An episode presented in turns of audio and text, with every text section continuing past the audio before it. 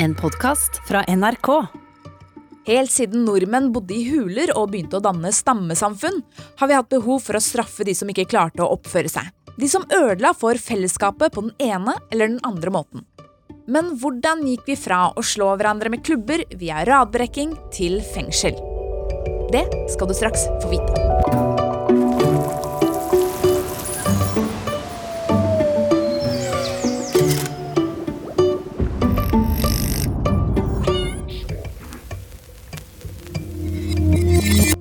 Hei sann, hopp sann, og velkommen til en ny episode av Smartere på ti minutter, der jeg, Selda Ekiz, forteller deg om fakta, vitenskap, historie og andre morsomme temaer som gjør deg akkurat det, litt smartere, på bare ti minutter.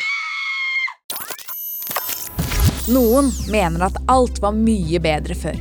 Men strafferettslig er akkurat det i høyeste grad diskutabelt. La oss begynne med å snakke om middelalderen.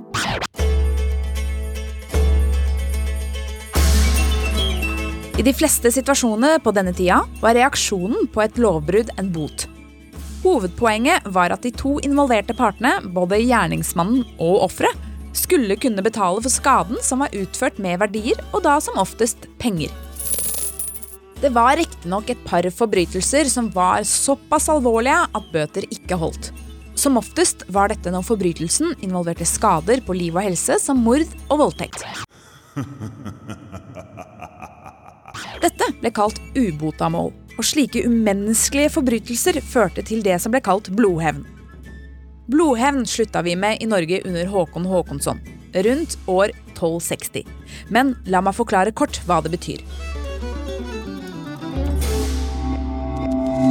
Det første man tenker er jo rimelig greit. Blod pluss hevn. Ok, har du spilt blod, skal blodet ditt flyte, right? Men det er ikke helt det det betyr. Ordet blod i blodshevn skal forstås som blodsbånd, altså slektning, og betyr at man i tillegg til gjerningsmannen også straffer en såkalt blodsfrende av gjerningsmannen. Med andre ord kunne blodhevn bety at man tok livet av slektninger av gjerningsmannen, men også at de ble straffa økonomisk. Så blodhevn var altså ikke automatisk en dødsstraff. La oss hoppe fram noen år til reformasjonen.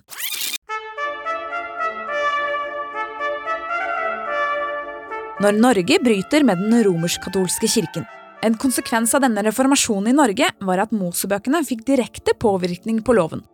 Nordland land som Sverige la rett og slett Mosebøkene til som vedlegg til den daværende grunnloven. Norge innførte en rekke enkeltlover basert på dem, som eksempel at dødsstraff rundt år 1600 ble straff i bokstavelig forstand. Du mista livet for en god del kriminalitet, bl.a. mord, drap og tyveri. Men du ble også drept for såkalt tredjegangshor, altså hvis du var utro mot mannen eller kona di for tredje gang.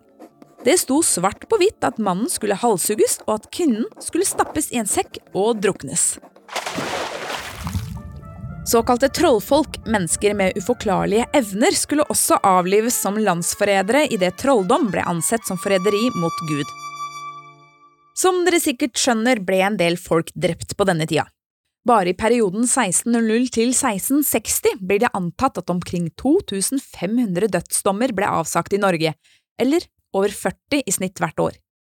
Andre straffer var forvisningsstraff og pisking, for eksempel ved samleie mellom familiemedlemmer i fjern slekt. Du kunne bli både by, fylke eller landsforvist, men også forvist til et fiskevær og bergverk ved samleie mellom mann og kvinne i andre og tredje ledd. Altså kusiner og fettere, da, og tremenninger. De var strenge. For flere eiendoms- og voldsforbrytelser ble det anvendt pisking eller arbeidsstraff på nærmeste festning. Det høres kanskje ikke så kjipt ut, men arbeidet var altså så hardt at enkelte lovbrytere ba om å bli henretta i stedet for å fullføre straffen.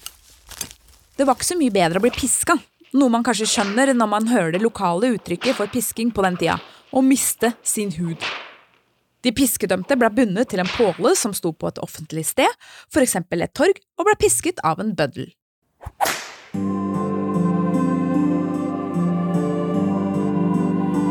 I alle saker som gjaldt brudd på seksuallovgivningen, måtte de tiltalte også stå i kirkekoret mens presten offentlig la ut om tiltaltes syndige handlinger, og formante vedkommende til å leve et såkalt uplettet moralsk liv.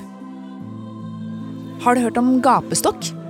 Det er en innretning der man låser hodet og armene fast i en slags bøyd tilstand man ikke kommer seg ut av. Søk det opp, det er ganske fælt.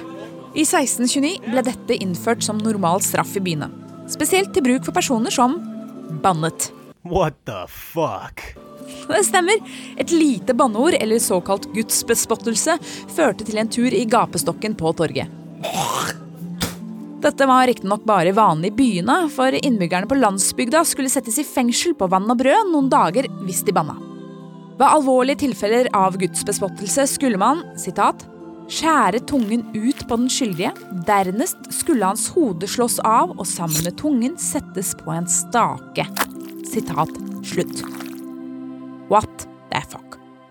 Og nå begynte straffene på mange måter å bli verre. For nå ble du ikke bare drept lenger, du skulle også gjerne lide før du døde også.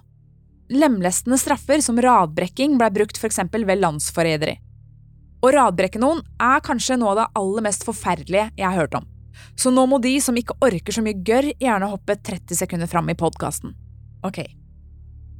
Radbrekking foregikk vanligvis på den måten at offeret først ble bundet fast til et tungt vognhjul, gjerne ved at armene ble fletta inn i eikene i vognhjulet. Deretter ble håndledda og anklene bundet fast, sånn at offeret ikke kunne røre seg.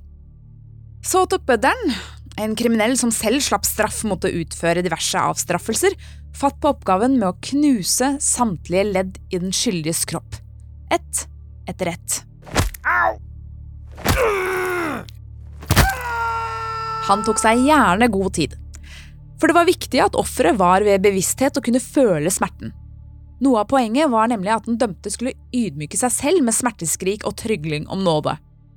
Etter noen timer, når alle bein og ledd i kroppen var knust, ble dette hjulet festa i enden av en stolpe, som ble hevet opp i luften så alle kunne se vedkommende, gjerne mens offeret fortsatt levde. Med litt eh, flaks døde offeret innen noen timer av blodtapet. Men hvis bøddelen var spesielt dyktig, så kunne offeret leve sånn her i flere dager før vedkommende døde av at fett og beinmarg forsvant inn i høyre hjertekammer og videre inn i lungekretsløpet. Altså, dette her er helt grusomt, men staten mente det var nødvendig. Hvis ikke øye for øye, tann for tann-prinsippet ble håndhevet, trodde man at Guds vrede ville ramme hele befolkningen, og det ville ingen. Tanken var også at en slik straffepraksis ville ha en sterk preventiv effekt, og at alvorlige lovbrudd ville bli utrydda.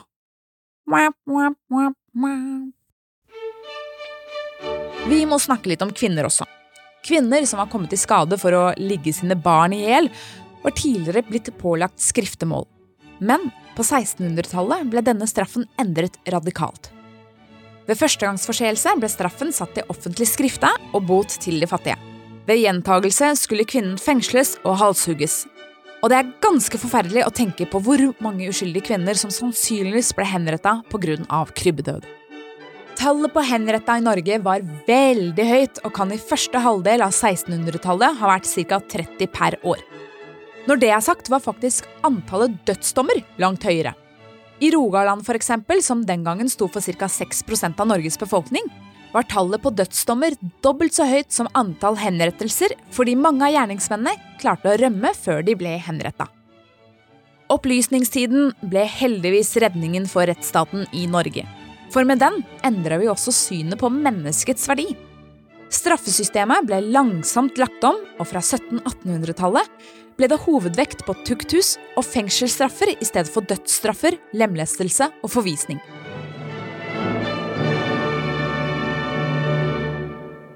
Hvis jeg skal oppsummere, kan jeg enkelt si at straff har gått fra å være inhumant og grusomt til å respektere menneskeverdet. Jeg tror vi alle kan være enige om at fengsel er mer humant enn å ligge på et hjul med alle beina i kroppen knust.